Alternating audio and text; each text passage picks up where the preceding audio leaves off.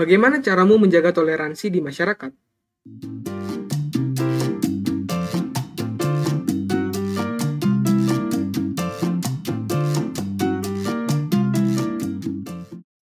Halo teman-teman semua, dalam 15 hingga 20 menit ke depan, podcast ini akan membawa teman-teman semua pada topik mengenai toleransi di masyarakat, gimana kontribusi tokoh terhadap nilai tersebut, hingga langkah kecil sebagai wujud nyata dalam menjaga hubungan yang baik dengan sesama, terutama di masa pandemi sekarang ini. Oh ya sebelumnya, perkenalkan, nama gue Diki dan saat ini gue terdaftar sebagai mahasiswa aktif di salah satu institut di Bogor.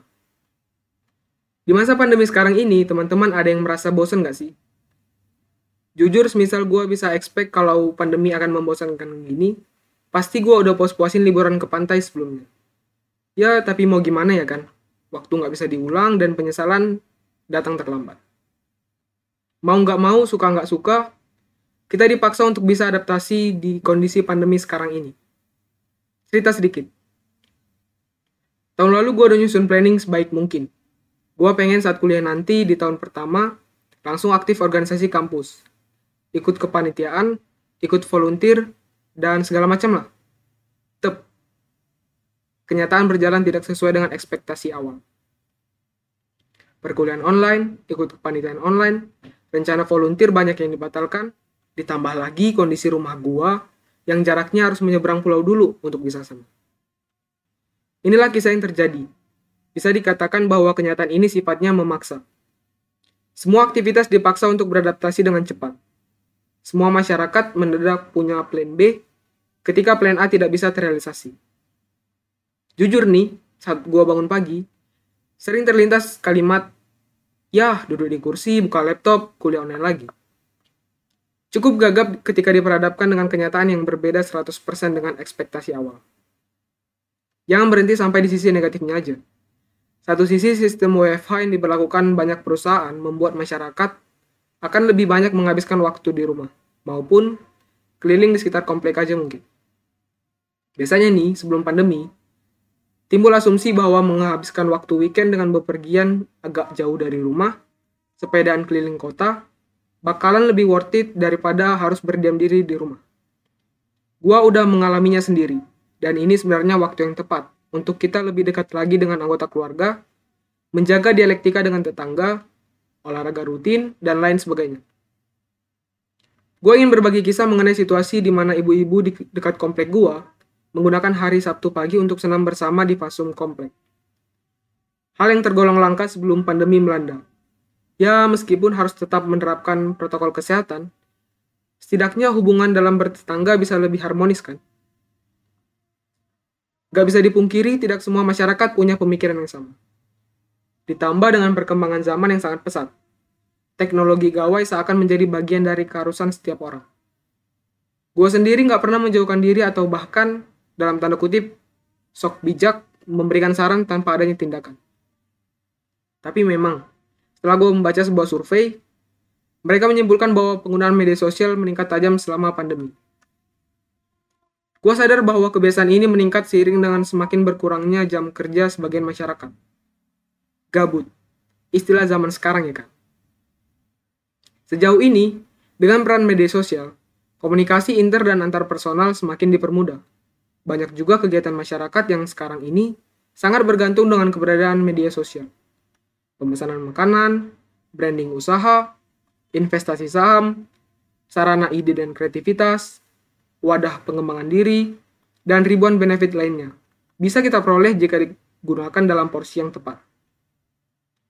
Di sisi lain, ternyata tidak semua pengguna media sosial berada di arah yang sejalan dengan tujuan awal, yaitu mengisi waktu luang untuk hal-hal yang produktif. Gak usah jauh-jauh dulu deh. Siapa sih oknum yang sering menyebar isu hate speech di media sosial? Orang mana yang menghujat pemimpin negara dari kolom komentar? atau pihak mana yang mencoba menyebarkan berita hoax untuk memprovokasi masyarakat luas. Gak lain gak bukan ya pengguna media sosial. Pengguna media sosial itu siapa? Gua. Termasuk teman-teman juga kan? Hal-hal seperti inilah yang menjadikan masyarakat dalam tanda kutip menjadi boneka dari ulahnya pribadi. Pasalnya kita semua menggunakan media sosial dan ujung-ujungnya berimbas ke kita juga kan? Isu sara, ujaran kebencian, berita hoax, ya semua itu hanya membawa disintegrasi di masyarakat. Toleransi antar sesama menjadi abu-abu oleh karena ulah masyarakat sendiri. Gimana coba? Gua pernah jumpa salah satu isu penelitian yang terkesan wow di salah satu jurnal. Hasil penelitiannya menemukan bahwa kasus hujatan intensitasnya meningkat menjelang pemilihan kepala daerah. Ironisnya, demi mendapatkan apa yang diinginkan, agar bisa memenangkan persaingan, banyak yang rela melakukan apa saja, sampai mengabaikan etika dan peri kemanusiaan. Ya, kalau ditelisik lebih dalam lagi, lebih banyak oknum yang menggunakan agama sebagai alat untuk melanggengkan kekuasaan dan kepentingan suatu kelompok tertentu. Ngomong-ngomong soal pilkada nih, di tahun 2017, seperti yang kita dengar, terjadi konflik politik terkait kampanye pemilu pilkada serentak di DKI Jakarta. Tidak terbendung jika isu politik kala itu menghasilkan masyarakat yang terbelah. Menguatnya identitas suku, agama, dan ras menjadi salah satu faktor pemicu intoleran antar masyarakat. Selain itu, faktor ketidakterimaan masyarakat akan kekalahan paslon yang didukungnya juga menimbulkan rasa sakit hati dan bahkan bisa sampai menyalahkan kelompok lain. Hingga muncul gerakan-gerakan anti pemerintah. Kita tinggalkan soal politik. Mengenang sosok Bapak B.J. Habibie, dalam buku ensiklopedia yang mengangkat kisah hidup beliau mulai dari awal hingga akhir hayatnya, beberapa kali gue menemukan kisah yang menggambarkan kekonsistenan beliau dalam menyuarakan pentingnya persatuan dalam kebinekaan. Beliau meyakini bahwa hal kecil seperti berdialog yang disertai dengan itikat baik bisa mendapatkan rasa saling percaya terhadap orang lain. Selain itu juga, dari buku ini gue bisa menyimpulkan bahwa beliau adalah sosok yang terbuka dengan banyak kalangan. Gak memandang agama, suku, dan ras, beliau adalah tokoh inspiratif yang menjadi teman untuk seluruh umat. Beliau menilai bahwa keberagaman sangat penting bagi kemajuan Indonesia. Sekali-sekali beliau juga menggambarkan toleransi yang terjadi di negara lain, berdampak pada kemajuan negara tersebut. Bahkan sangat pesat.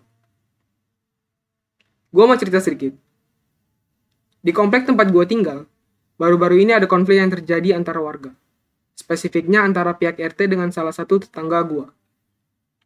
Ke depannya gue akan sebut tetangga gue ini sebagai X. Jadi, X ini menggunakan lahan kosong di depan rumahnya untuk membuat tempat parkir motor dan mobil pribadinya. Sekaligus taman kecil-kecilan lah. Satu sisi pihak RT punya wacana untuk membuat lapangan bulu tangkis di tempat itu. Lumayan luas sih, kurang lebih sekitar 15 kali 15 meter. Akhirnya, setelah rapat internal dengan mengundang seluruh masyarakat komplek, disepakati bahwa akan ada iuran dan wacana tersebut akan segera direalisasikan. Otomatis hal yang pertama harus dilakukan adalah pembersihan lahan.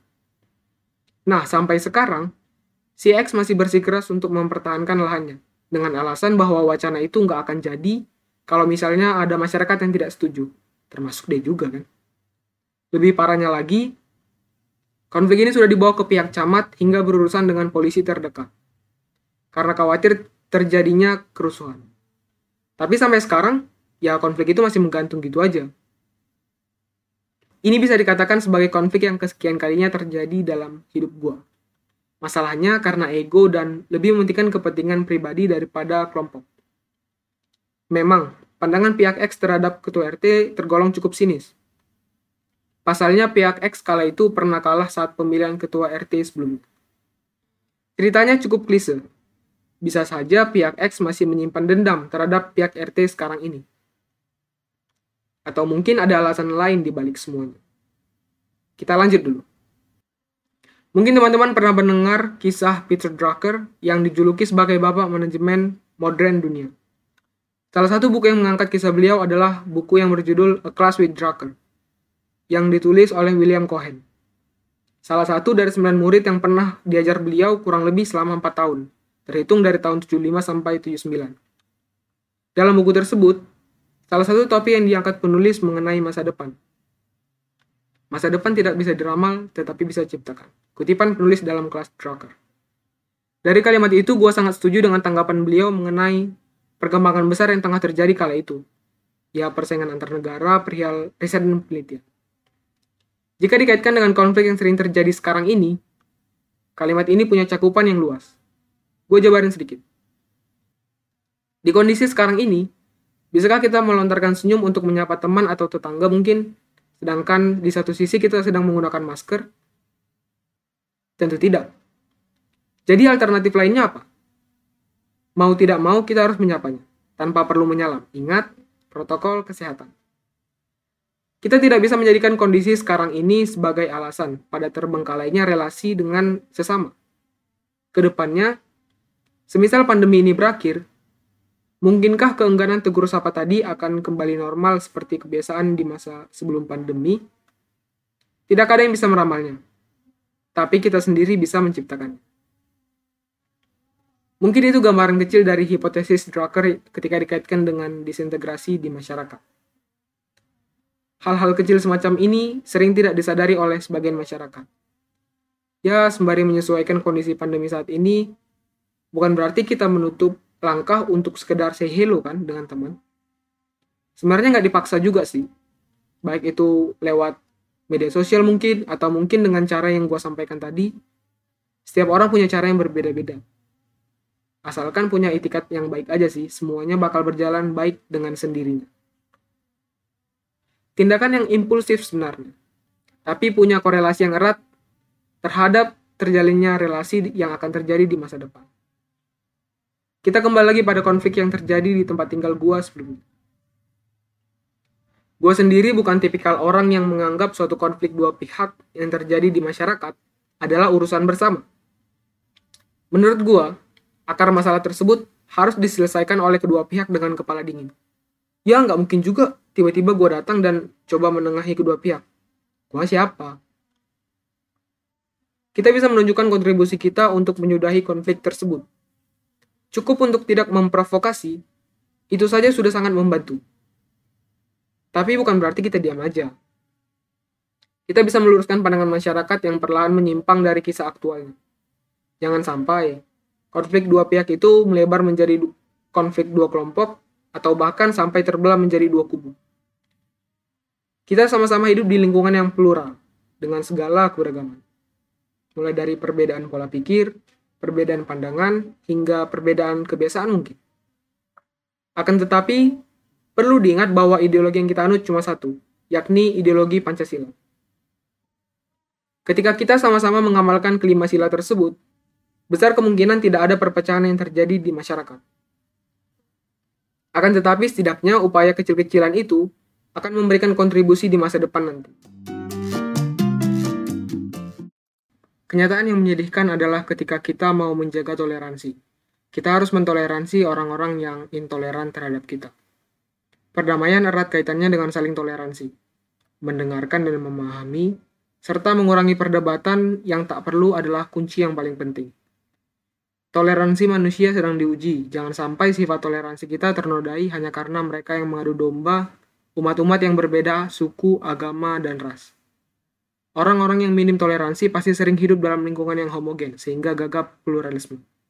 Jangan sampai kita terjerumus ke dalam lubang yang sama. Mari kita sama-sama membangun hubungan yang harmonis dengan tetangga sekitar kita.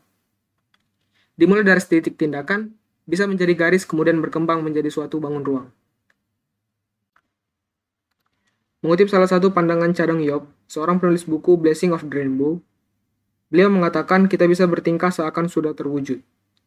Meskipun sulit untuk diimplementasikan, tetapi bisa menjadi pijakan awal dari sebuah eksekusi.